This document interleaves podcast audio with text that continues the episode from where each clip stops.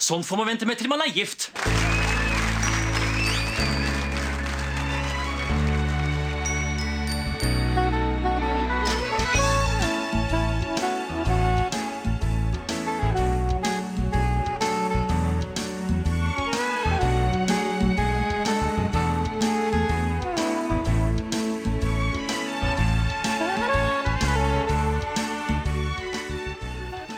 Velkommen til en ny episode av Norsk film filmpodkast, hvor vi ser norsk film og norsk TV med et kritisk, eh, men kjærlig blikk. Eh, Jeg heter Emil. Jeg sitter her som alltid med. Stefan heter jeg. Og i dag har vi sett eh, serien som vant Gullruten 2005 for beste dokusåpe. Dette her var også serien som lanserte en av Norges mest egenartede kjendiser. Han er bl.a. en habil sjakkspiller, han er lærer, men han er ikke først og fremst kjent som det. Han er en eh, villhusnavn. Jeg snakker selvfølgelig om Lars Monsen, Canada på tvers.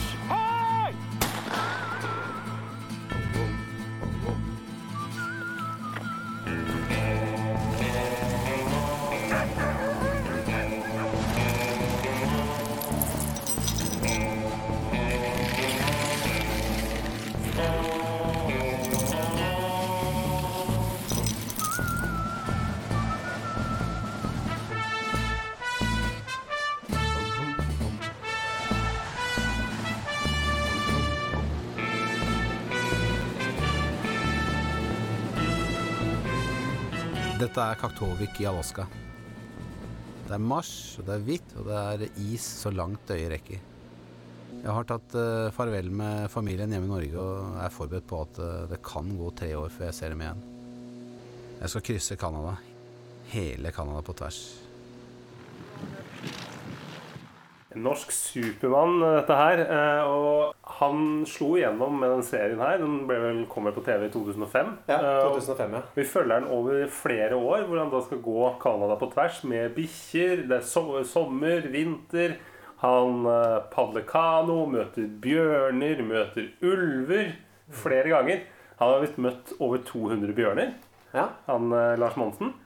Hva er ditt forhold til eh, Lars Monsen, eh, Emil? Altså, egentlig ganske lite altså, før jeg så denne serien, at jeg kjente Lars Monsen først og fremst egentlig fra sjakksendingene til NRK. Ja, for du er sånn elitefyr som ser på sjakk, eh, Emil. Og i sjakksendingen til NRK har jo Lars Monsen vært med en rekke ganger som gjestekommentator. Eh, Lars Monsen er jo, var jo en ganske habil sjakkspiller i sin tid. Eh, spilte klubbsjakk på et ganske høyt nivå og er innom der og analyserer både hvite og svarte trekk. Oi. Eh, Både hvite og svarte trekk. Ikke bare hvite trekk. Hvite og svarte, ja, sammen med, sammen med Jon Almås og eh, Torstein Bae og resten av redaksjonen der. Eh, men det var egentlig samboeren min, eh, Sigrid, hei til Sigrid, vet at hun hører på, Hei, hei, Sigrid. som introduserte meg for Canada på tvers. Eh, konteksten for det var at hun mente at dette her var den absolutt beste serien som man kunne se når man er uh, det du kaller for uh, bakis, Stefan. Altså at man er fyllesyk, rett og slett. Bakfull. Vært på en liten snurr. Ja, for det, det her kommer jo til, liksom, til kjernen, for dette er jo noe du har valgt, Emil. Dette er noe du ville se. På samme måte som Once Upon a Time in Norway, denne fantastiske dokumentaren om norsk metal, for Ja, eksempel. som, som du likte så godt. Men uh, Stefan, hva, med deg? hva er ditt forhold til, til Monsen? Jeg så uh, Jeg har faktisk aldri sett uh, Lars Monsen før for kanskje et halvt år siden. Det var en episode med det der hvor han dro med sånne kjendiser ut i skogen. Det synes jeg, Da fikk jeg litt sånn sansen for han. Men jeg er jo ikke Jeg liker veldig godt å gå og sånt, men eh, jeg er ikke noen friluftsmann. Jeg liker på en måte best hvis det er en bunnpris i nærheten. Jeg kan stikke innom og kjøpe meg en is. Eh, Det er vel kanskje sånn, litt sånn du er òg. Det er på en måte kanskje den største byfisen jeg kjenner, bortsett fra meg selv. Nei, vi er noe, vi er noe skikkelig byrotter, eh, begge to. Altså. Vi vandrer bortover de skitne gatene i, i Oslo og Trondheim og Jeg må i bukselomme. Gategutter er vi. Urbane typer, så da er det jo veldig deilig å kunne se Lars Monsen. Og, og Lars Monsen, som du sier, Stefan, har gjort en del greier sånn i ettertid. Han har jo også et sånt program hvor han reiser rundt opp i Norge på litt sånne kortere turer.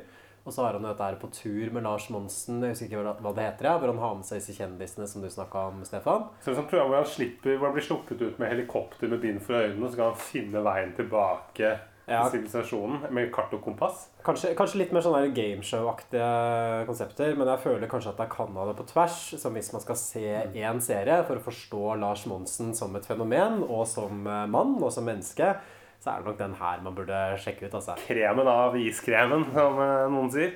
Så Serien eh, åpner med litt sånn westernaktig musikk. Litt sånn Ennio Morricone, Good Band Ugly-inspirert. Og for dere unge som ikke kjenner til disse westernfilmene, så kan jeg si at det er litt sånn som Lotepus Camping. Det er på en måte samme type musikk. Ja, det er sånn Eller der, Fjorden Cowboys. ah, Litt sånn der piskeslag som Du, smeller. countryaktig. Og så får vi da Monsens fortellerstemme. Han har tatt farvel med familien i Norge. Han er innstilt på at nå kan det gå tre år før han skal se dem igjen. For han skal gjennomføre dette prosjektet sitt, som er å krysse Canada fra én ende til en annen. Og han skal jo selvfølgelig ikke følge highway number one. Han, han går gjennom Rett gjennom, rett, eh, rett fram sammen med hva han støter på. rett gjennom marka, kjappeste veien. Så det er en tur som er på ca. 8000 km, som han da skal eh, tilbakelegge. Og forteller også at han har forberedt seg på dette her i åtte år Oi. for å planlegge ruten og finne ut hva man skal ha med seg. 80% av bagasjen hans er eh, hundefôr, fordi han reiser aleine, men sammen da med åtte hunder og ett videokamera. Så det som er litt sånn unikt med den serien her også, er at Lars Monsen er jo aleine i den sånn 90% av tiden, kanskje, i løpet av spilletiden. Alle bildene som man ser, er det Lars Monsen som har filma sjøl. Enten ved håndholdt, eller at han har satt opp kamera og så spilt ut ulike scener foran det. For det er jo ikke sånn som i mange av de britiske reiseseriene som vi sender kjenner til, hvor det er én gammel mann med liksom kakiklær og en tropehjelm som reiser rundt i Afrika, og så har han liksom eh, med seg liksom et kameracrew med to, tre, fire, fem stykker. Og på en måte alt er regissert. Her er det jo Det er kanskje den råheten som på en måte gjør det. At det er så liksom eh, Det er så hjemmesnekra og ekte. At, at vi faktisk blir litt skremt. Ja, det er jo skikkelig sånn galskapsprosjekt som har satt i gang. Så jeg vet ikke, Stefan, hvordan ble forventningene dine pirra av det anslaget her? Eh, jeg, for det første fikk jeg jo helt uh, hekta på den eh, låta. Den syntes jeg var veldig ja, tøff.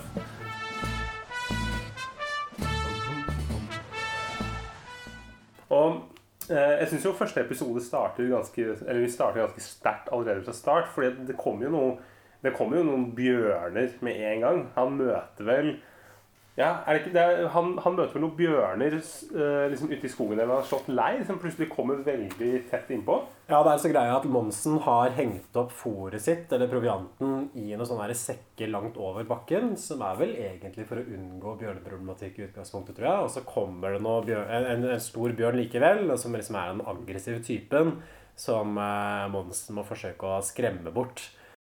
Bort! Vekk! Hei!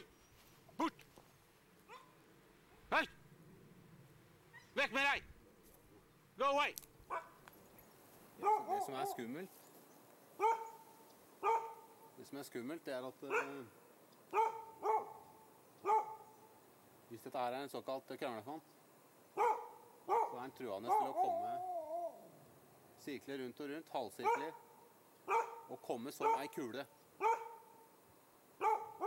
I, I fullt angrep. Det, er, det kan skje. Det har skjedd. Det er det som eh, ligger i bakhuet på meg nå. Du får ikke lov til å være her. Det syns jeg er litt sånn artig i den scenen her, da, at eh, Monsen tar og snakker til den bjørnen på engelsk. At han roper liksom sånn Go away! You hear? Get away from here! Don't look at that food! It's not yours! Go away! Jeg lurer på Hvorfor tror du han snakker på engelsk til den bjørnen? Jeg tenker liksom at den bjørnen er fra Canada, så da skjønner han ikke norsk. Så jeg må slå over på et annet språk. Ja, fordi Dette er jo det eneste forholdet jeg har til Lars- Monsen fra før. At jeg har sett denne videoen, og måte, Det husker jeg jo fortsatt. Det at han snakker engelsk. Og man har alltid lurt på det. Men øh, det er kanskje Kanskje, kanskje liksom Han burde jo, kunne jo like godt bare snakka norsk. Ja, tenker jeg. Jeg det fins vel kanskje ikke noe bjørnespråk? Jeg tror ikke, jeg tror ikke Bjørne forstår noe menneskespråk, men jeg kan jo skjønne logikken litt til, til Monsen her. At det, det er en kanadisk bjørn. Han kunne jo kanskje også forsøkt seg på fransk. Fransk snakker Eller på inuittspråk. Tror du Lars Monsen kan fransk? Eller inuittspråk? Nei, det tviler jeg. Han kan jo knapt nok engelsk. Det kommer vel litt fram. Men det, det, det, er, det er på en måte det som blir seriens gang. At man får et sånt kart, og så er det en sånn rød pil som viser måten Monsen på en måte gjør framgang da, over Canada. Og han traverserer sånne ulike etapper. Ikke sant? Tilbakelegger en etappe, setter opp leir, fisker, skyter noen dyr, sånn at han og hundene kan ha noe å spise, og så videre og så videre og så videre. Og det som jeg syns er sånn, kanskje mest fascinerende med dette her, er at det er Det er ganske lange sekvenser hvor Monsen egentlig bare ligger værfast inni teltet sitt og venter på at været skal, været skal bli bedre, så han kan gå videre. F.eks. hvis det blir for kaldt eller hvis det blir for varmt, da, for å liksom ha med seg den der hundesleda. Så um, det er vel en sånn scene ganske sånn seint ut i serien der, hvor han ligger i teltet. Eh, hvor lenge er det han ligger der? da? Liksom, det er primusolvia sånn ti dager, hvor han sier at nå ja, for det, det, det er 80 effektive kuldegrader utenfor, så Lars Monsen må bare ligge inne i teltet og spare parafin basically i ti dager. Han liksom sier at ja, jeg må bare ligge i soveposen min, som også er sånn gjennomfuktig, og sover fem-seks timer i døgnet, og resten av døgnet så ligger han bare inni den posen og venter på at været skal gå over. Faen, kjedelig. Hva, tror du han gjør? Tror han tenker på noe? Han har ikke noe podkast på øret, Lars Monsen. Han Nei, han- fant vel ikke podkast da? Kanskje sånn Walkman eller eh, CD-player? Nei, jeg, jeg, jeg, synes liksom det, det, det, jeg skjønner ikke hvordan det er mulig for et menneske å gjennomgå noe sånt. Det er helt utenkelig for meg å skulle ligge ti dager i strekk ute i et dritkaldt telt i Ja, du greier vel knapt å gå en sånn ti minutters tur uten at du må ha noe på øret? Nei, jeg er jo avhengig av konstant stimuli, sånn som sånn senmoderne mennesker eh, flest. Så det, det, det, er liksom kanskje det mest sånn interessante, altså hvordan Monsen unngår å bli sinnssyk av dette prosjektet. For man ser jo sånn gjennom serien også, så går det jo gjerne sånn ja, to-tre måneder kanskje, mellom hver gang han møter andre personer. Han snakker egentlig kun til hundene og til dette kameraet. Og når han møter folk, så er han alltid veldig gira på å komme seg ah, Det blir deilig å komme seg på tur. Ja. Nei, det er ikke Ja, han skal komme seg, komme seg videre. Det er, det er så, ja, Komme seg videre igjen, det blir deilig. Nei, nei, liksom, I første episode også så kommer han til en landsby som heter Sigetsjik. Eh, Der bor det ca. Sånn 200 urfolk. Og så der så klager Lars Monsen på at det er for mye folk. Så han flytter derfor ut i skauen igjen, og så ligger han i telt, slik at han kan følge framgangen på Big McKenzie River, for det der med å fryse til eller et eller annet sånt for at han skal kunne ta Ja, for det er liksom ikke bare å, sånn som eh, jeg tror, at det er bare å gå ut i skogen og ta med seg naturklær og en varm ullgenser. Det er på en måte, det må faktisk mye planlegging. Og du må jo kunne litt. Det er ikke hvem som helst jeg kunne, altså det er ikke hvem som helst som kunne dratt på den turen her. Hvor lenge tror du du hadde klart å overleve i ødemarka i Canada med åtte bikkjer og Eh, kanskje sånn syv dager eller er noe. sju dager, ja. Jeg tror det. Men måtte spise litt bær eller noe. Kanskje, kanskje greide å fange en fisk. Mm. Jeg er jo veldig overrasket. for jeg synes han, det er også Den første episoden så fanger han jo eh, Han fanger jo utrolig mye store ørret. Ja. Jeg, måte, jeg skjønner ikke Tror du han Tror du han har fanget mindre ørret og ikke filmer det? At han bare viser oss liksom, der hvor han har filma de største? At han bare filmer det mest imponerende, ja. ja, Han er jo en salgs... Han er jo en selger, Lars Monsen. Ja, for det, det tenkte jeg også på når jeg så serien, at jeg lurer på hvor mye råmateriale som Monsen faktisk spilte inn. Fordi serien ble vel ferdig spilt inn rett før nyttårsaften 2003, tror jeg. For da var han kommet i mål i, der han skulle. Eh, Og så kom den ikke på TV før i 2005. Så det er jo noen som har Ja. hatt et, uh, en helvetes klippejobb her og sitter liksom går gjennom alle opptakene Ja. til Monsen. Det er en kjedelig jobb, altså. Nei, Jeg kunne nesten egentlig tenkt meg Oi. at serien var lengre. Altså at man så mer av disse detaljene her. At uh, Man ser jo liksom mye av måten Monsen ja, Hvordan han setter opp uh, leir. ikke sant? Mye med hundene, ting som feiler dem, problemer som de har, fisking. Monsen som tenker kanskje skal vi gå den veien, den andre veien. Det er den type detaljer som jeg egentlig digger, som jeg kunne sett mer av. At jeg jeg syns det er sånn tilfredsstillende på et sånn slow TV-nivå. Sånn som Hurtigruta og den Bergensbanen. Yeah. Litt den type TV. Og det er jo mye liksom sånn bilder bare av Monsen som padler nedover, eller på den der hundesleden sin over isen. Men det er gøy. Ja, og så har du den der musikken i bakgrunnen. Jeg syns det er litt sånn koselig. Ja, det er veldig, eh, det er veldig avslappende. Det er liksom meditasjon. Og så mm, Fordi det man også har prøvd her litt, er jo å lage en sånn reiseskildring. Hvor Lars Monsen kommer til en landsby, og så fokuserer han liksom, snakker han om at her bor det så og så mange, her var det en amerikansk handelsstasjon. Og øh, amerikanerne har liksom ødelagt alt for indianerne, som Lars Monsen sier. Ja, han feirer jo julaften i et sted som heter D-Line, er det ikke det? Og så sier Monsen over kommentarsporet at det er ingen tvil om at misjonærene har gjort jobben sin, fordi alle som bor i den landsbyen, som er urfolk, går i kirka. Og Monsen er jo veldig sånn sympatisk til urfolkskulturen. Det skinner liksom gjennom. Han er jo Men han er vel samisk selv? Er han det? Ja, Ja, ok, ja, kanskje det er derfor, ja. Jeg syns, men jeg, jeg synes at det er noe, noe av det som er finest og mest interessant med serien, egentlig. At det blir en slags sånn der skildring av disse veldig øde landsbyene hvor det bor sånn 150-200 stykker. Hvor sporene etter kolonialismen er veldig til stede. At det er mye sånn sosiale problemer der. Mye alkoholisme, blant annet, som han kommenterer. Uh, samtidig som at man har en del av den der opprinnelige kulturen som står som sånn motsats da, til det mer sånn kristne, vestlige kulturen som de, som de fikk. Ja, Lars Mold sier at det varmer langt inn i sjela å se indianerne danse dansen sin. Det er slik det er gjort i tusenvis av år. Ja. ja. Altså, han sier han også at uh, Delena er kjent som enkenes landsby. At kvinnene der bærer på en stor sorg, fordi det var der amerikanerne henta ut uran til atombommene sine. Og at alle de mennene som ble satt til å bære dette uranet, for det gjorde jo selvfølgelig ikke amerikanerne sjøl, seinere døde av eh, kreft. Så jeg, jeg, jeg Det er en fascinerende historie.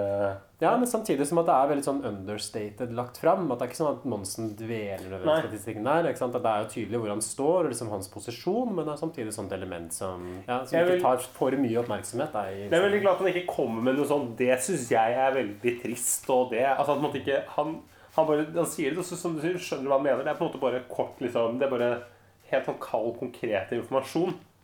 Og som du sier, så vet- merker du at fyren er så menneskelig at han har en han, han er nok på urfolkas side her. Han er en villmarkens mann, tenker Ja, jeg. på og samme han, er måte som dem. Han kjenner seg nok mer igjen i dem enn i oss. ja, han er jo skeptisk til sivilisasjon også. Det skal jo nevnes at uh, selv når han er i denne The Line, da, denne urfolksbyen, så da tar han jo liksom på julaften og drar ut i bush, bushen, som han sier. Og det sier han, det er helt klart. Da han, selv om det er 38 minusgrader på dagtid, og han kunne på en måte bodd i et sånn helt ok, komfortabelt rom inne i byen der, nei, det er helt. Han skal ut, vekk, vekk fra folk, og feire julaften alene liksom, rundt bålet med bikkjene.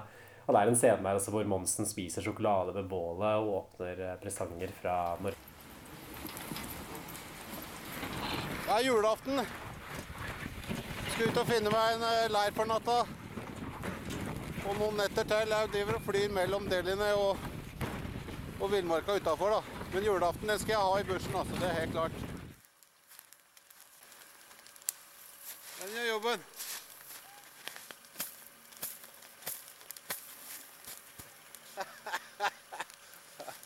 Uh.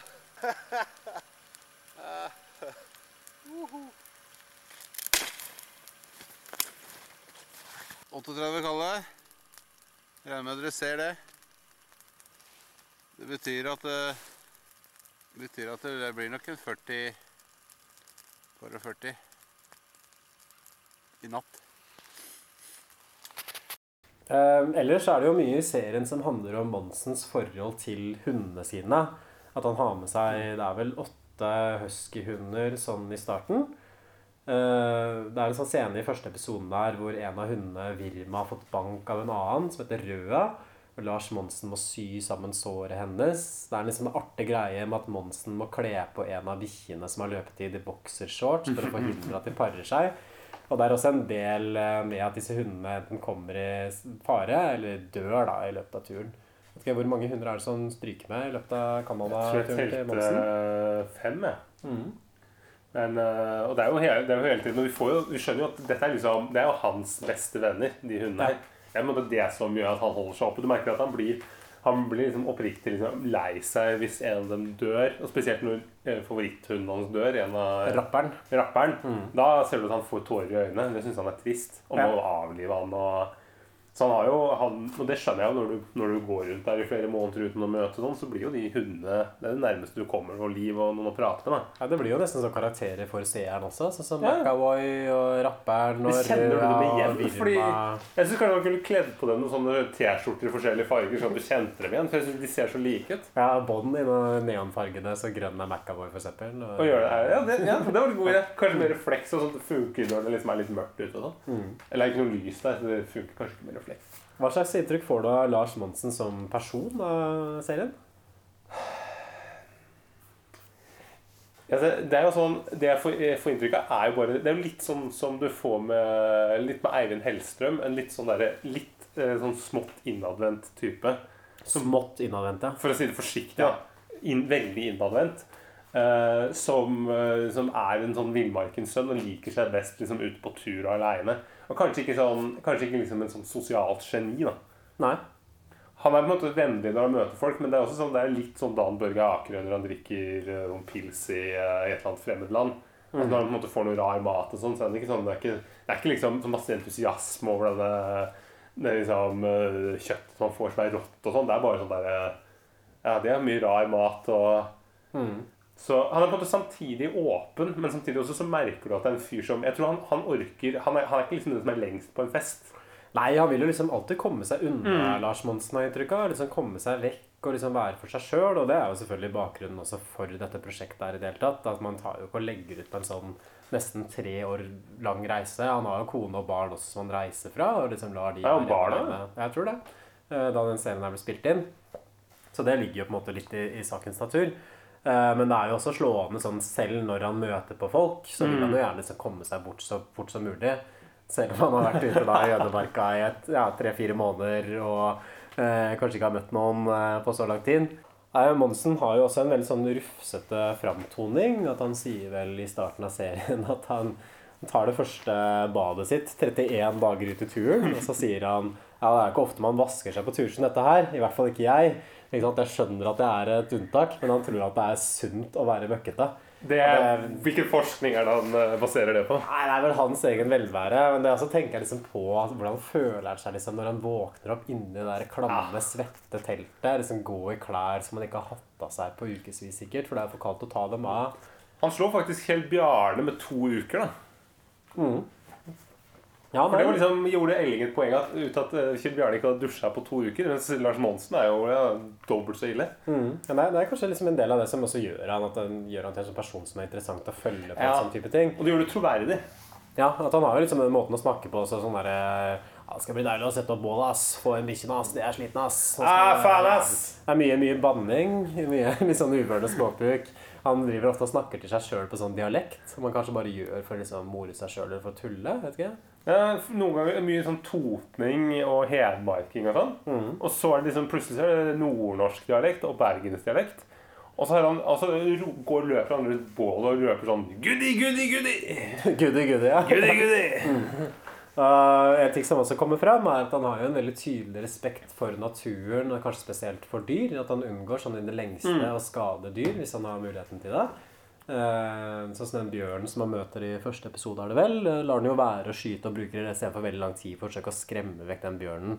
Det er sånn ulv som man møter på ulike tidspunkter der, som man alltid forsøker å jage vekk. Og så når den bjørnen ikke lar seg jage vekk, så går det bare videre og setter opp base et annet sted. Han er ikke noen skyteglad type. Det, er jo, det er jo litt sånn sympatisk. Han er jo på en måte Han lever veldig i pakt med naturen. Ja. Det er en sånn en blånisse. Det er kanskje det som gjør han litt sånn sympatisk innstilt til uh, urfolk også. Uh, han, det kommer jo til Hudson Bay, og så er det en voiceover igjen fra Monsen hvor han snakker om effekten av kolonisme. Han sier at den hvite mann ville ha pelsverk fra bever, ulv og jerv, og lokka indianerne med varer de aldri hadde sett før.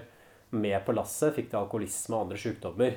Så det er et sånn fint urfolksperspektiv her, selv om ordbruken hans kanskje ikke er så politisk korrekt. Og jeg føler ikke at han trenger å kanselleres, eh, gjør du? Nei. Snarere tvert imot. Løftes fram. Jeg synes jeg, det, er, eh, det er helt Han sier, han sier veldig mye med veldig få ord, og det liker jeg jo Ja. liker jeg med Lars Monsen. Han er jo åpenbart en ganske intelligent fyr, Ja. synes jeg. Ja, og det er jo det som eh, Det er også det som gjør at det, liksom, det konseptet her er veldig spiselig. At det er ikke, det er ikke en, sånn der, en sånn typisk sånn der, norsk skiløper som liksom har IQ på 70 og liksom og bare er en sånn kynik Eller bare en kyniker, da, som Bjørn Dæhlie-type, liksom.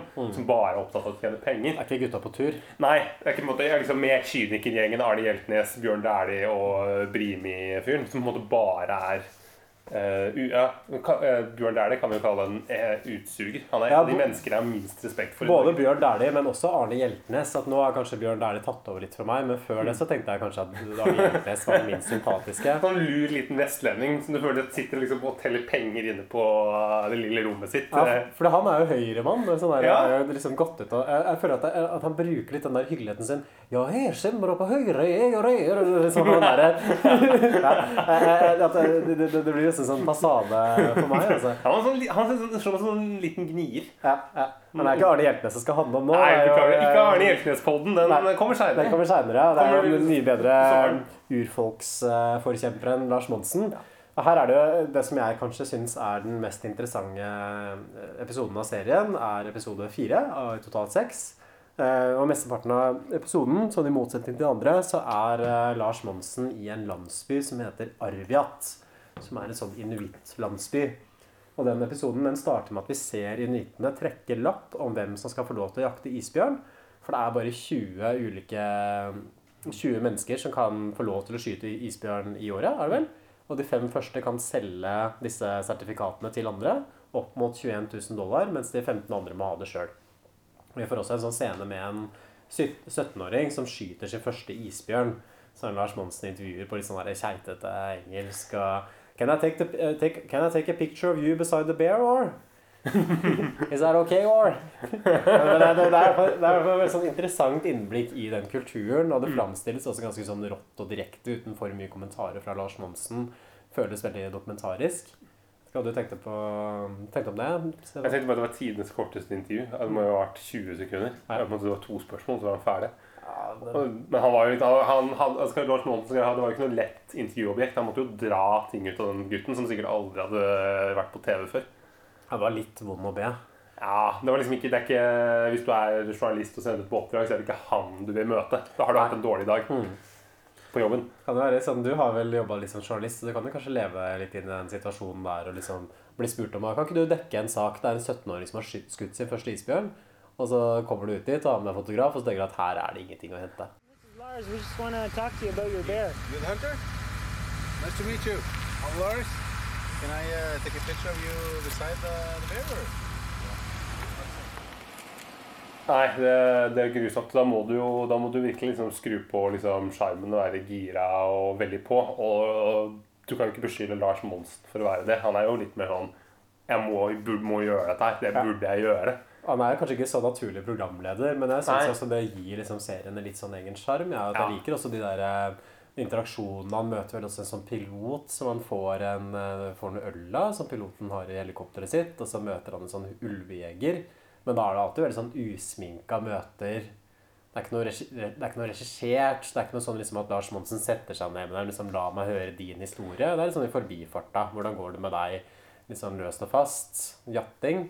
Det er kanskje det som Eller for min del så er det er det jeg liker med den serien her. At det er ikke så, så strikla og polert. Nei. For det, I en, en annen serie så ville Eller sånn britisk med en sånn fyr med sånn tropehjelm og liksom Og sånn helt uh, rødt fjes, så ville det vært typisk at han satte seg ned med en, et, en representant fra urfolket, kanskje til og med en green screen i bakgrunnen, og så skulle snakke om liksom problemer og Mens det slipper vi på en måte her. Som du sier, det er de der spontane møtene hvor Lars Monsen bare blir glad for at eh, fyren med flyet har, eh, har en sixpack liksom baki som han kan sitte og drikke. Ja, det gjør kanskje et eller annet med hvordan den lokalbefolkningen forholder seg til han også, i og med at han ikke kommer inn med et sånn svært TV-crew. At det liksom er bare han med et håndholdt kamera. I denne episoden her så blir jo også Monsen invitert med på en fest, hvor han blir tilbudt eh, rått, masse rått kjøtt. Mora Agnes arrangerer fest for hele familien. Det er en ære å bli invitert, men uh, menyen er litt spesiell. Here you are. Excellent. Thank you very much. Very special. Wow. Powerful food, eh? Det eneste som er kokt, er isbjørnen. Resten er rått. Rå caribousteik, rå caribou beinmarg, rå caribou mage.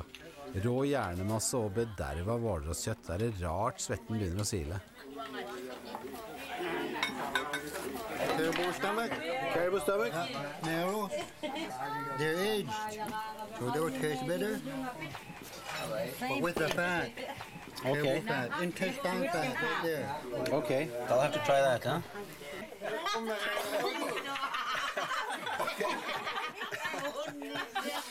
That's right, like me.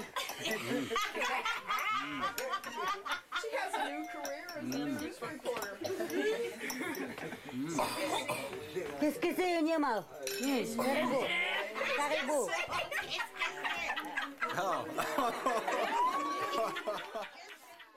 Det er sånn rå hjernemasse, rå mage, bederva hvalrosskjøtt, som de da får Lars Monsen til å spise. Så det er helt åpenbart at han ikke liker noe særlig. At han sier liksom til henne sånn Very special, very special, powerful food. jeg sy- jeg syns den maten der synes jeg så helt forferdelig fy ut. faen. Men det, spiser du rett fra gulvet også? Det ligger bare på sånne papplater.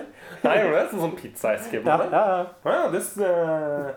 Nei, men det bekrefter min teori om at liksom, jo lenger nord du kommer, jo dårligere mat er det.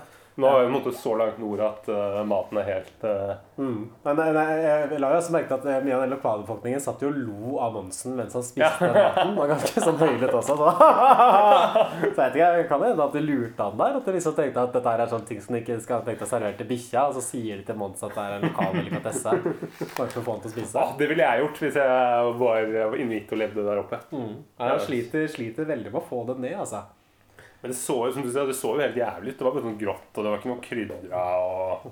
Jeg skjønner ikke hvordan det kan være veldig powerful food. For det var jo ikke, det var ikke chilikorn på den der. Det var ikke pepperkorn. Eller kanskje det at det smaker såpass råttent, tror jeg, og sterkt. Seig konsistens. Eh, I, i, på samme festen så får jo Monsen også prøve seg litt på den der inuittromma. Og liksom gå rundt og danse rundt i midten av rommet mens han slår på den. Det er veldig sånn artig klipping der, hvor det klipper inn en sånn barn som ser helt sånn uforstående på ham. Hva er det han holder på med? Nei, jeg, jeg, jeg synes at det var kanskje en av mine yndlingsscener i hele serien. altså. Men det, det er en sånn scene også hvor han drikker sprit i teltet med to lokale fyrer. Selv om det ikke er lov med alkohol egentlig i den eh, landsbyen. Uh, Syns du at eh, Lars Monsen opptrer uetisk i den scenen, som drikker sprit med befolkningen selv om det er et uh, lovbrudd? Eh, nei, jeg tenker jo at han uh, da, da får vi på en måte virkelig kjenne litt Jeg syns også, det er en god scene. For der får vi på en måte, det, er, det er første gang at det er litt sånn uh, At Lars Monsen på en måte gir litt sånn motstand til noen han møter. Ja. At han eh, Fordi de her kommer jo liksom De sier jo at eh, De er, må jo være jævla fulle når de har blitt filma, og, eh, og drukket masse sprit. Og de sier jo at eh, at de er liksom imot det spritforbudet. fordi at hvis, uh, hvis folk kunne drikke, så hadde det vært noe å gjøre oppe i, uh, i den landsbyen der. Da hadde Ja. folk hatt noe å gjøre istedenfor at de tok selvmord fordi at det ikke var Ja, ja, ja, ja, for dere mener at folk tar livet av seg og driver med kriminalitet Fordi de ikke har noe å gjøre. You miss uh, the bar, uh, pub. Uh, I miss bar and liquor store. It, if it has a liquor store or a bar, there wouldn't be not much suicide in Nunavut. There's, it's an higher suicide in Canada. It would be less suicide and less criminals like breaking. i- if there was a bar here? Yeah, they would have something to do at night. Since it's nothing to do at night, there's lots of break-ins and lots of suicide in town. But don't you think uh, the alcohol uh, might get people out of balance, and you know that might trigger some bad stuff too? It it would, but it would save lots of ass, like lots of young people. They would just drink instead of killing themselves. If they have something to do, Yeah. there's nothing much to do in town. Jeg tror nå at eh, å slippe alkoholen løs vil være en dårlig løsning. Den største utfordringa for urbefolkninga i dag, det er å skaffe seg en utdanning. Men ting er i ferd med å bli bedre. Blant annet har de tatt tilbake sitt eget språk. Altså svarer Monsen at Don't you think the alcohol might get people out of balance, and that might trigger some bad stuff too? Og da svarer liksom de at eh, ja, men det ville fortsatt redda mange unge folk, for de kunne drikke alkohol istedenfor å ta seg. Det er en unnskyldning jeg aldri har hørt for alle vil veldig godt argument. Godt argument, ja. Så svarer Lars Monsen bare ja. og så kommer han da inn på voiceoveren og liksom mener at det er en dårlig løsning å slippe løs alkoholen. Det de trenger istedenfor, er selvfølgelig utdanning. Det er eh, sånn politisk korrekte. Det er Arbeiderpartiets svaret. Hva tror du Lars Monsen stemmer? Jeg ser for meg eh, Jeg kan ikke se for meg han som en, eh, en Arbeiderpartifyr. da. Hva tror du? Jeg, jeg er mer sånn tilbøyelig til å tenke at han er kanskje er til og med SV. Ja, Han, litt, han er han bor jo på. Nesodden. Det er jo en sånn stor Ja. SV-kommune. Ja. ja, men jo, men det faktisk er, Han er fall Han er, han er helt overbevist om at han er ikke, han er ikke høyremann, i hvert Han er ikke noe høyremann, nei. Han går ikke med sånne Arne Hjeltnes-klær og nei. Han er en true naturtype. Ikke Mm. sånn som posøren Arne Hjeltnes, som eh, bare driver med gutta på tur for å indoktrinere folk med høyrepolitikk. Jeg, jeg, tror kanskje ja, enten, enten SV eller noe som er enda mer marginalt. Sånn der bitte lite sånn derre fjelluftsparti eller Friluftsmannspartiet. Liberalistene, kanskje. Ja, nei, det ja, Jeg vet ikke. Men eh, en annen ting som viktig, viktig ting som skjer i, i denne landsbyen, er at uh, Lars Monsen også blir nødt til å skyte en isbjørn. At han har liksom en sånn liten koie som han bor i. Han sover liksom inni med sovepose og teltet sitt. Og så må han skyte en isbjørn som står og skraper på døra til koia. Og her blir det veldig mye stuss om dette her med lokalbefolkninga. Fordi vi har jo allerede etablert det, at det er kun 20 stykk som har tillatelse til å felle isbjørn. Og Monsen blir veldig sånn defensiv. At det er en veldig sånn ukomfortabel scene egentlig, hvor han står og forsøker å forsvare seg for eh, to av de inuittene. I had to, I had to. Og de inuittene står jo bare og ler, og det er veldig vanskelig å lese hva de synes. Ja, de Han ene snakker sånn helt sånn Han bare står og snøvler. og Ja, det er sånn tannløse typer også. Ja. Sånn, litt sånne der gærninger som man treffer på på gata. Er Som sånn- gjentar det samme liksom, som de har liksom sagt eh, at en eller annen vits som han ene inuitten har sagt, den gjentar han liksom tre ganger. Den samme vitsen. Ja. Og det er, liksom det, er noe, det er noe som ikke helt stemmer der. Og så er det jo med en gang, med en gang de folka kommer fra den der viltpatruljen, så sier Lars Monsen sånn at ja, nå er, nå er sirkus i gang, ja. Mm. Ja, nå, nå skjer det, ja. For dette her er jo en big deal. Han må dra til uh, Joe, som er wildlife officer, og forklare seg. Men han risikerer å bli tiltalt for uh, illegitim felling av isbjørn. Jeg er på vei ned til, uh, til Joe, han eh, wildlife-offiseren her. Så nå må jeg bare rapportere hva som har skjedd, og så, så blir det intervju og kjøre bort dit og Og ja. Får vi se. Jeg må nok Det er klart, det hender at folk blir eh, tiltalt for sånt nå, men eh, vi får nå se. I'm investigating the killing of a polar bear. And I have to read you the Charter of Rights and Caution. It says you are or may be charged with illegal killing of wildlife, uh, polar bear. You have the right to uh, access to a lawyer. Okay, no, I don't need a lawyer. Can you please tell me in your own words what led to the shooting of a polar bear? I'd like to point out that uh, I have uh, encountered uh, a lot of bears before in my life 182 bears.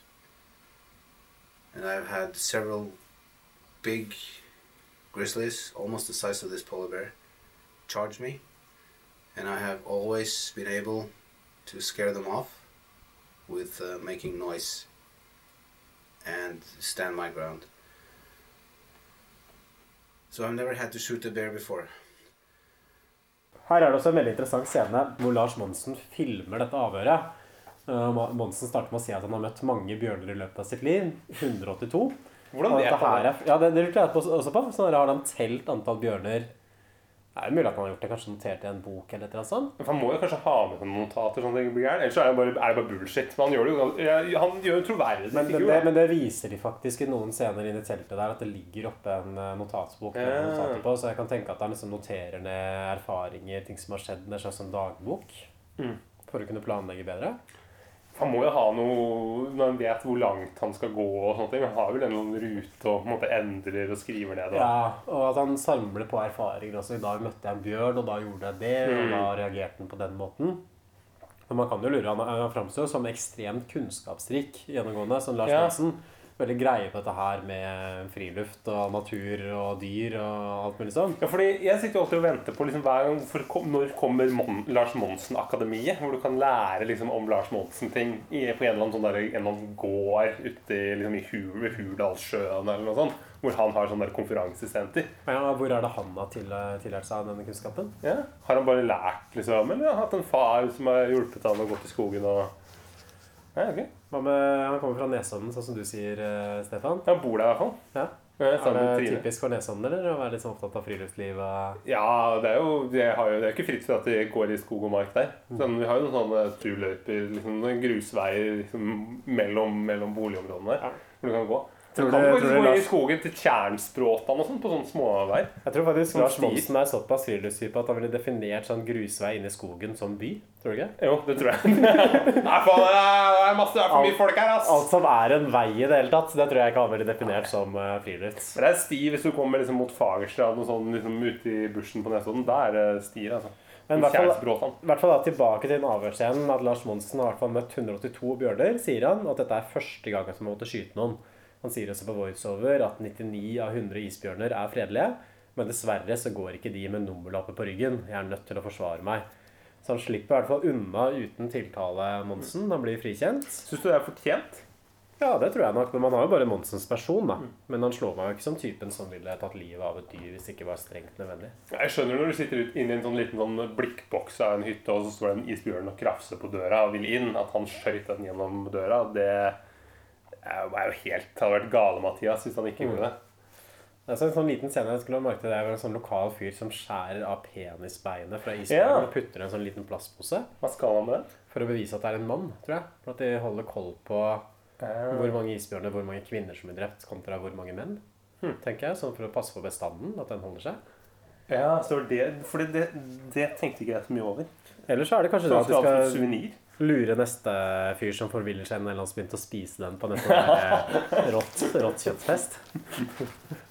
Nei, nei, altså, etter, rett etter han har liksom forlatt denne landsbyen, da, Arviat, at eh, Monsen blir værfast. Vi snakka om på starten av podkasten. Han ligger inne i teltet sitt med denne primusen og egentlig bare rasjonerer på eh, drivstoff.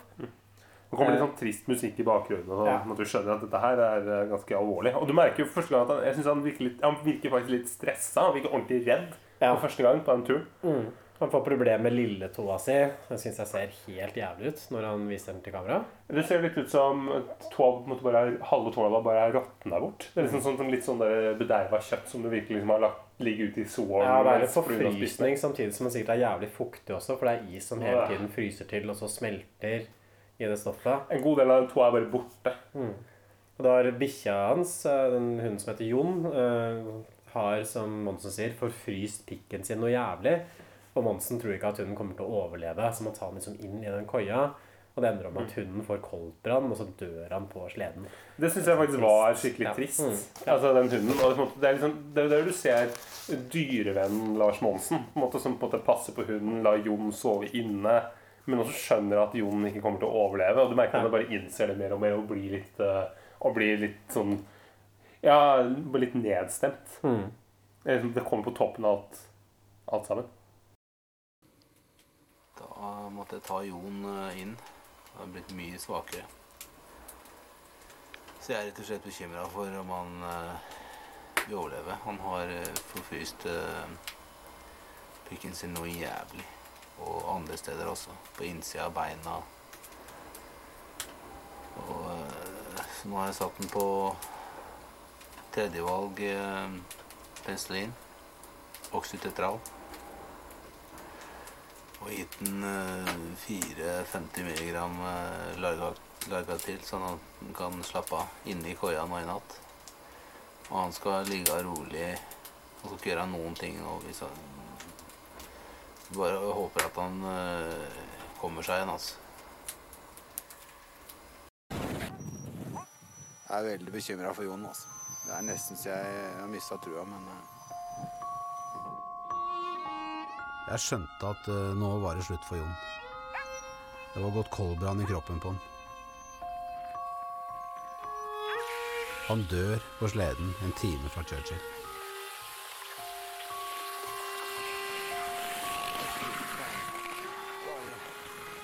Så med Jon, eh, denne hunden som eh, forfryser eh, underskjellet sitt, det er i hvert fall slutten på episode fire. Og episode fem det åpner i hotellrommet til Lars Monsen da han drar tilbake igjen til byen.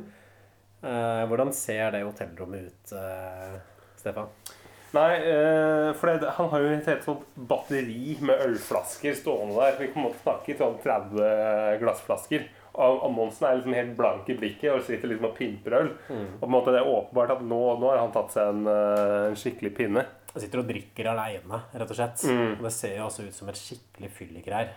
Og Lars Monsen sier at dette er siste dagen du har sjanse til en tynn en eller en kald en på månedsvis. Det er et sånn avslørende øyeblikk der som er litt sånn overraska at han har tatt med. At han liksom sitter såpass full på rommet sitt, og det ser jo virkelig forferdelig ut. At det, han popper også en flaske og bare knipser korken ut i rommet. Det er sånn søppel overalt. Det, det ser ja, igjen en, Det ser ut som inni campingvogna til Lotepus. Det er, liksom, det er akkurat den samme stilen. Det er liksom den der mannemann-greiene. At det ser ut som en dass uh, hjemme hos ham. Mm. Han eh, feirer jo også fødselsdagen sin. eh, Fødselsdag nummer 39. Dag 750 av ekspedisjonen. Og igjen så feirer han med litt sprit. Tar seg en nordlensk en, som han sier. Så episode fem er kanskje den store sånn alkoholepisoden i serien. Ellers en litt sånn innholdsløs episode. Eh, Ja, det er den svakeste. Han må avlive nok en bikkje, rapperen, som er favoritthunden hans, som har skada foten sin. Eh, en av hundene får også en valp, og en av de valpene, den valpen blir drept av en av tispene. Mm. Han, han skjønner jo allerede fra start at han ikke kommer til å overleve. Og det rapperen sier han er jo å ta livet av eller ta livet av han, avlive den, det er jo det vanskeligste avgjørelsen han har gjort i løpet av hele turen. Mm. Det, det, sli, det ser du at han sliter med. Ja.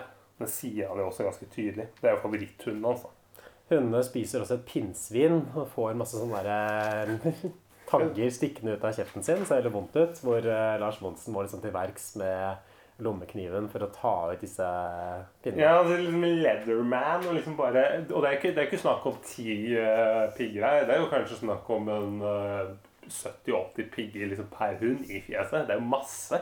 Og de hundene er ikke stille. og Det er jo en helvetes jobb. Han går litt og, og jobber og prøver å få ut de piggene mens de sover og allting. Mm.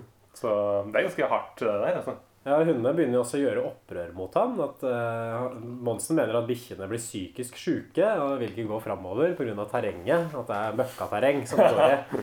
Og Monsen bestemmer seg derfor for å legge inn hundene på et hundehotell.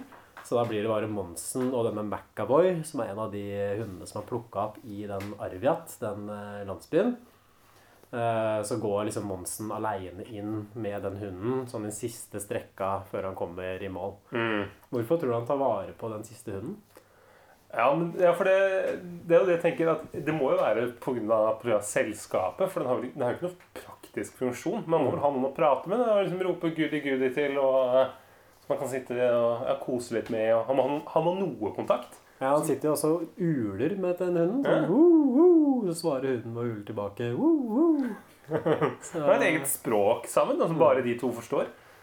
Det kommer jo etter hvert, også mot slutten her, så kommer det veldig mye, veldig mye bjørner. Mm. Det er jo én scene der som jeg, hvor jeg faktisk blir litt redd. Hvor det er er det? Det er, det er en, en binne, en hunnbjørn, med liksom tre bjørnunger. Mm. Den skal krysse en elv over liksom på andre siden der hvor Monsen og McAvoy er. Så jeg klarer å få dem over da, til slutt og roper til dem sånn Må stikke av. Her er farlig. Her er menneske. Ikke noe engelsk denne gangen her. Nei. Nå er det norske bjørner. Gått bort fra den strategien. Ellers er det sånn, Den siste episoden er stort sett Monsen som går liksom aleine inn mot målet til fots med bare én hund på laget. Monsen blir også litt sånn melankolsk når han tenker på at dette snart er over. Han lurer på hva er det han skal gjøre etterpå, når dette her er ferdig. Han er litt sånn som Max Manus og gutta på skauen og sånn. Da krigen var ferdig, hva var det de skulle finne på da? Mm. Så ble de liksom deprimerte og drakk for mye og Ja, det, det, det føles litt sånn trist ut. Og, og jeg syns også det er litt sånn der antiklimaks når han endelig kommer i mål. da, Faktisk gjør seg ferdig med denne Canada på tvers-turen. At han virker veldig trist og usikker. Står liksom litt utenfor den landsbyen som på en måte er siste stopp da på reisen. Og så presser han liksom fram med en sånn jubel. 'Jeg har klart det, jeg har klart det'. Men det er bare sånn tragikomisk. Det er på en måte Du ser jo at han ikke egentlig Han ikke er, mener det her. Mm. Og det er jo i motsetning til liksom eh, Max Manus. Så er det liksom ikke noe heiagjeng med norske flagg og kronprins Harald som står utenfor der og venter på han når han kommer. Det er helt tomt. Det er ingen som vet. Vi får jo sånn bilde som han har liksom satt opp kamera sjøl, hvor han står liksom med et Canada-flagg, som har et lite Mm. norsk flagg i toppen, og står og vaier med det. Altså Aller siste bilde i serien er Monsen som står i bar overkropp inne på hotellrommet, og så spretter han en flaske sjampis og heller den over seg. eh, Inne på et ganske sånn stusslig hotellrom, og så er serien egentlig over. Spørsmålet er jo hvor mange hotell du kan velge på de stedene der. De har vel kanskje bare ett. Så det er vel ikke noe suite. Og Mm. han blir vel kanskje bare glad da, bare for å komme seg inn og få seg en dusj. Ja. Men som helhet, det, nå har vi jo sett tre timer med Lars Monsen som krysser kanten på tvers, liksom fulgt han gjennom denne reisen. Hva sitter du igjen med? Uh, nei, altså det er jo, det er jo veldig god uh, det, det som gjør det, er jo at han filmer det selv. At du ikke har Det er, ikke, det er jo litt sånn uh, Var det Team Bakstad med de der to gamle gubbene som reiser rundt i Norge? Mm. eh, eller verden. Sorry for å kalle dem gamle gubber, men det, de er på en måte både det i alder og, og type. Men, eh, men det, det er på en måte noe av, noe av det samme, bare at dette her er jo det er liksom det at det er, alt kan skje. Lars Monsen kan liksom møte en hund. har, eller Han kan møte, gå tom for parafin, han kan møte ulver. Vi, vi, vet ikke, og det kan faktisk være farlig. Det kan slutte med at Lars Monsen blir skada. Mm. Og det er jo det som gjør det, at det er så realistisk. Det er jo litt sånn som uh, du, du eh, Du sammenligner det med, liksom, med, en, med en slags sånn sakte-TV? Sånn når du spenner et tog fast på Bergensbanen, og så kjører du Ja. Følger du bare togturen? Det har noe veldig sånn avslappende med seg, samtidig som at jeg synes det er litt sånn der, Som TV så er det litt sånn der unikt, for det er jo en ganske sånn unektelig stor sånn menneskelig prestasjon, dette her. Mm. Og Monsen føyer seg jo på en måte inn i en litt sånn der norsk eventyrertradisjon, som med Roald Amundsen, Fridtjof Nansen, Thor Heierdal. Den forskjellen her er at man kan liksom se hele reisen sånn steg for steg. ikke sant? Tenk så interessant det hadde vært å kunne se hvordan Roald Amundsen da, for eksempel, gjorde liksom de tingene som han gjorde, eller Thor Mm. Heyerdahl over Stillehavet der. Så det er jo et sånt unikt innblikk i den type galskapsprosjekt, og egentlig et ganske sånn destruktivt prosjekt også, som det Lars Monsen holder på med, som jeg sier at det er. Og jeg, jeg syns det er veldig sånn interessant å liksom kunne følge den reisen sånn skritt for skritt, se alle de små detaljene, alle de problemene som dukker opp underveis. Måten Lars Monsen alltid løser det på en veldig sånn stødig, trygg måte. Og for min del så kunne den serien her gjerne vært- vært liksom i seks episoder til. Altså, jeg kunne vært interessert, interessert å se mer av det råmaterialet, som jeg er sikker på at det fins veldig mye av, men som kanskje ikke fikk plass da, i den Mm. serien, i og med at den er såpass uh, stram. Du burde kanskje kjøpe deg trippel-DVD-en også med, med alt råmaterialet, sånn at du kan se gjennom alt. Ja, hvis den hadde funnes, sånn der uh, Monsen minutt for minutt, Ah. jeg tror jeg kunne vært uh, klar for å se det, altså. Men det, har jo, det var jo Det gikk jo et sånt program på et eller annet år hvor du på sommeren hvor du fulgte han minutt for minutt på tur. Mm. Det hadde jo vært kjempegøy. Kanskje med sånn, sånn GoPro-kamera eller et eller annet. Ja. Jeg syns jo det er, det var en, veldig, en god idé til et konsept. Mm. Men um, jeg, jeg merker for min del så er det sånn Jeg syns jo det her er Jeg koser meg over det her, men jeg vet ikke om jeg, jeg, vet ikke om jeg ville sett igjen liksom, de nærmeste ti åra. At det måtte være nok med denne gangen her. Men vil du sett Monsen gjøre det samme en gang til? da? Sånn Amerika på tvers, for Ja, ja, det kan du gjøre. Se en annen på hvor han gjør noe annet. Mm. Ja, ja. Det, altså, jeg, jeg, jeg tror nok jeg måtte komme til å se flere Lars Monsen-serier etter vi har sett dette her. Mm. Jeg synes det, er, det, er, det er som du pleier å si, det er god TV. Det er god TV, og ikke minst pga. Monsen som figur. For jeg syns liksom han framstår ofte som helt på grensa til egentlig det sinnssyke. Ikke Ja. sant? Måten han liksom snakker til bikkjene sine, snakker til dyra som han møter, roper til dem. Han har hatt et veldig sånn vilt blikk. Eh, mye glede, men også liksom prega at han går flere måneder om gangen uten å møte noen andre. Så det er noe et eller annet med psykologien der som jeg syns er sånn iboende interessant å følge med på. Og så er det jo dette litt med at eh, det er det, det som gjør at vi kanskje liker Lars Monsen, er jo at han er dette er på, måte, på mange måter Han er veldig velfungerende ute i naturen, og sånn, men ute liksom, blant mennesker så er det jo en outsider. Han er jo alltid litt utenfor. Han er jo på en måte ikke en eh, altså, han, han er aldri gladere når han sier at 'nå er jeg eh, 600 km fra sivilisasjonen'. 320 denne gangen her. Altså, måte, det er, når han understreker det, det er da han er, er i sitt ess. Komme seg- folk. Komme seg vekk fra folket. Ja, og Her er å, det ikke- snøscooterkjøring her. Det, er sånn, det blir for mye. Da man Ja. Går utenfor liksom de faste løypene. Mm. Han sier vel også helt på starten av serien sånn Her er det ikke en kjeft, altså. Jeg blir så imponert over Canada. Kun villmark. Har ikke sett mennesker. Han, blir Han er altså, helt, helt motsatt av meg, som reiser dit hvor det er mye folk. Så Ja. reiser Lars Monsen dit hvor det ikke er noen. hva slags reisedestinasjoner er det? Sånn New York og Tokyo og sånn? Eller mest Jeg, liker jo egentlig sånn eh, mellomstore sånn østeuropeiske byer. Jeg, sånn mellom sånn 100 til 300 000 mennesker. Da er jeg litt mitt, mitt ess. Så akkurat der er jo litt, Lars Monsen litt like. Da, at eh, Jeg tenker å dra til New York eller Shanghai. Hva med deg? Du, du er jo ikke eh, Nei, jeg er glad i, glad i folkevandring. Altså. Jeg liker liksom å gå og se på mennesker. For det er jo et eller annet med det liksom, En ting er på en måte hvis man er på reise Jeg har reist litt alene, liksom dratt til Budapest og Praha og Paris alene uten å snakke med noen, egentlig. Men det liker jeg veldig godt. Liksom Bare kunne ha liksom den ensomheten. Men da forholder jeg meg fremdeles til andre folk. Ikke? Mm. Jeg forholder meg til Jeg ser jo mennesker i butikken, eller hvis jeg spiser på restaurant, slår kanskje av en liten prat med kelneren. Men Monsen går jo helt mutters aleine, kun med disse hundene. Jeg syns det er imponerende at han liksom klarer å holde på eh, sinnet sitt uten å liksom bli, gå fra vettet eh, så stor grad som han gjør. Og kanskje særlig i de scenene hvor han bare ligger inne i teltet der i dager og dager, Ja. flere uker i strekk, uten at det skjer noen ting. At han bare må vente. For det er jo veldig mye der som serien ikke viser. Som eksempel at Han venter jo gjerne mellom våren og sommeren. At han reiser stort sett på vinteren eller på sommeren. Og resten av tiden så må han jo bare liksom Ligge ved en sjø og, Mm. og fiske. Men jeg synes jo akkurat den sommerdelen, den tror jeg Den kan jeg på en måte se en sånn sjarm hvis du bare er et sted og det er fint vær. og Det er jo noen sånne, sånne bilder der hvor du, hvor du ser at han sikkert bader og koser seg. Mm. Så den, men det verste er jo det når det er vinter, og den- og han ligger inne i et telt liksom, i ti dager, og det er kaldt, Ja. i en sovepose. Du kan ikke gjøre en dritt. Mm. Og pikken til bikkja fryser over. Ah, Tåen hans blir råtten.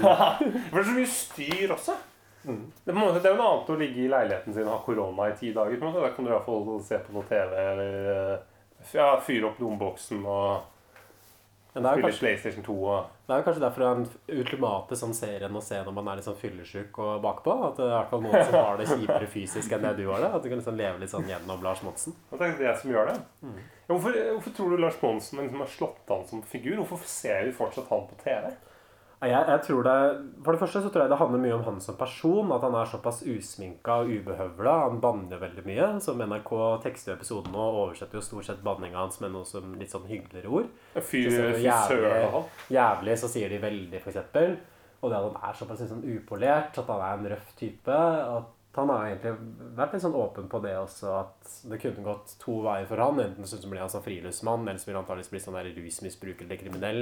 Samme som gutta på skauen. da. Mm. Han har litt den type energi, og det, det gjør han til en veldig autentisk figur. Og, og, og så er det dette her med, som jeg snakka om i stad også, at man tilhører en slags sånn norsk eventyrtradisjon. Liksom den der mytoset om den norske polfareren ikke sant, som overvinner naturen. At det er kanskje noe som ligger måte, litt i norske folkesjela. Den ideen at vi kjemper på en måte mot naturen pga. måten man bor, særlig hvis man kommer sånn lenger opp i Norge. Ja, det er som en Drygolin-reklame. At det er, det er liksom steder som det egentlig kanskje ikke er så innmari praktisk og fornuftig å bo. Hvor folk velger å bosette seg likevel. Og jeg tror Lars Monsen taler litt til det elementet i, i den norske befolkningen. Altså liksom furet værhvitt over landet. Ikke sant? Ja. Mm. Med flatskjerm inn i tusen hjem. Ja, ja. Så vi lar oss liksom på begge deler samtidig. da, ikke sant? Både sitte med flatskjermen vår, men også se en person som lever kanskje litt sånn som vi mener at norske befolkningen egentlig lever. Nei, det er jo det er fascinerende at det er jo Og så er det dette her liksom at uh, når det er så usminka sånn, så, så ville jo ikke, ville kanskje ikke tenkt at uh, Lars Monsen ville slått gjennom så veldig mange andre steder enn i Norge. Det er liksom en BBC-tradisjon Ja, i NRK. det- At du bare rekrutterer noen fordi de har kunnskap, ikke fordi at han er en god programleder. For det Altså, sånn hvis du skal Hvis du, har, øh, hvis du går på programlederskolen eller ja, journalistutdanninga i Volda, så er jo ikke Lars Monsen er ikke noe forbilde. Han gjør, han gjør egentlig alt feil. Det er bare at fordi det er så autentisk, og fordi han kan så mye, så er det helt likegyldig hvor god han er til å intervjue, eller uh, hvor proff han framstår. Ja, men jeg tror det egentlig kunne slått an internasjonalt også. For Mm. det er jo som du har vært inne på tidligere, mange av de der naturseriene og reiseprogrammene framstår som litt sånn lite autentiske, kanskje. Fordi det er liksom en programleder som har med seg sånn kameracrew på slep. Og man skjønner på en måte at den programlederen er aldri noe sånn særlig fare, har noe, aldri noe sånn spesielt ubekvemt. Så det at Lars Monsen er der aleine, liksom mutters aleine med kun et videokamera og noen bikkjer, og filmer seg sjøl, ikke sant, med Ofte med ganske mye snørr i barten, ikke sant? Fryst eh, fast ansikt i snø og speil i det teltet der. for å si Nei, sånn. nei. Og ser liksom svetten og skitten bare ligger gjennom mellom alle porene i ansiktet hans. Og det, det tror jeg liksom tilfører en sånn virkelighetseffekt som eh, i hvert fall ikke jeg har sett i noen tilsvarende programmer tidligere. altså. Det er vel derfor de gjør det så, så skarpt også. Mm. Nei, jeg, jeg sammenligna litt med Eivind Hellstrøm. At det, det er litt sånn samme grunn til at Eivind Hellstrøm er på TV. At på det, er en, det er en dyktig det er på en måte et dyktig fagperson. Og jeg, merker, jo- jeg, jeg setter jo pris på det i et, liksom et samfunn hvor vi bare får mer og mer sånne fjollepettere som Mm. driver og liksom surrer rundt på radio og, og sånne ting. Vil, det, vil jo, det er jo sånn at folk jeg vil ha. Jeg vil heller ha noen som har mye kunnskap, enn en, en, eh, en eller annen tulling som ikke egentlig kan noen ting. Ja, for ellers så tenker man kanskje at folk først og fremst plukkes ut fordi de er gode på TV. Ja. Og så kommer liksom de andre egenskapene og ferdighetene deres. det er bare tull. rekke. Mens med Lars Monsen så er det jo primært liksom de egenskapene, villmarkskunnskapene hans, som gjør han til en T-personlighet, Mm. Samme også med Hellstrøm. At Hellstrøm er ikke en sånn person som egentlig burde være på TV. Det er ingen som har sett han gjøre på programlederskolen og så Mm. tenkt at du, du burde gjøre på TV. Han kunne aldri ledet et, eh, et, liksom et villmarksprogram. Vi kunne ikke sendt Eivind Hellstrøm liksom, eller på et reiseprogram med Eivind Hellstrøm. Eller det er det på en måte, det er Truls eh, og Hellstrøm som reiser rundt. Men, men det, det er kanskje noe av det som er sånn fint med Norge òg. At man kan ha denne type upolerte kjendiser som egentlig bare liksom er kjendiser i kraft av det de kan. Og så kan det på en måte passe inn i en slags sånn TV-personlighet, og de kan også bli sånn TV-kjendiser kun i kraft liksom av det, og nesten på tross av det at de mangler de vanlige egenskapene. Det er glatte karaktertrekkene, de er ikke så veldig flinke med folk, de er ikke så veldig polerte, formulerer seg kanskje ikke noe sånn spesielt bra. Men uansett så ser man på dem fordi liksom de har en sånn kompetanse eller de har en sånn eget som man ikke finner blant andre. Det er ikke supermennesker. Det er ikke, noe om, eh, det er ikke en, en helt en amerikansk film. Nei, absolutt ikke. Eh, skal vi trille ternekast, eller gjør vi det også på TV-serier? Ja, det syns jeg vi skal gjøre. Du Ja. kan jo starte, siden dette er ditt domene. Jeg syns det er litt sånn vanskelig å sette ternekast på det, som en sånn med sånn rein seeropplevelse. Så mm, igjen, jeg kunne tenkt meg at det nesten var enda litt lenger, at det gikk Mm. mer i detalj, at man fikk se mer av det daglige livet, det daglige slitet. Og det er et eller annet med liksom det TV-formatet som kanskje sitter litt som begrensninger på den historien man forteller. Så, men jeg vil fremdeles ende opp på en femmer, altså, for jeg syns det er såpass unikt som et sånn TV-dokument av et sånt helt ekstremt prosjekt, og noe som på en måte er så utrolig vanvittig. ikke sant? Være ute i ødemarka der mutters aleine i tre år i strekk og filme det med et håndholdt kamera. Jeg kan ikke komme, komme på noen andre TV-programmer som gir den samme opplevelsen som det man på tvers tross alt gjør. Og i tillegg til at jeg også syns det er veldig sånn avslappende, behagelig, koselig stemning å se på det. Så derfor vil jeg ende opp på en eh, femmer. Ja, jeg, er jo, eh, jeg er jo enig i mye av det du har sagt. Og jeg, jeg synes jo det som er så fint, er at det er, sånn, det er jo faktisk det er fint TV å se på en søndagskveld. Liksom, og bare, eller eller når, du, når du sitter, Det er sånn TV du ser sammen med andre. Som samler liksom, familien foran, eller, eller eh, liksom, en gjeng foran domboksen. Og så kan du sitte og se på dette her. Og på en måte prate litt samtidig. og sånn, For det er ikke sånn, det er ikke krise om du går glipp av noe. Det er på en måte en opplevelse som er veldig fin å dele. Det er en TV-opplevelse. Eh, og med det der upolerte uttrykket, og hvor ekstremt det egentlig er, så er det jo umulig å ikke gi Du kan ikke gi noe dårligere enn en femmer til der. her. Så for meg eh, fem. Kanskje, svak, kanskje til og med en svak fem. Så da er vel kanskje dette her det som vi har vært mest positive til. Vi ga vel også to femmere til Flåklypa Grand Prix.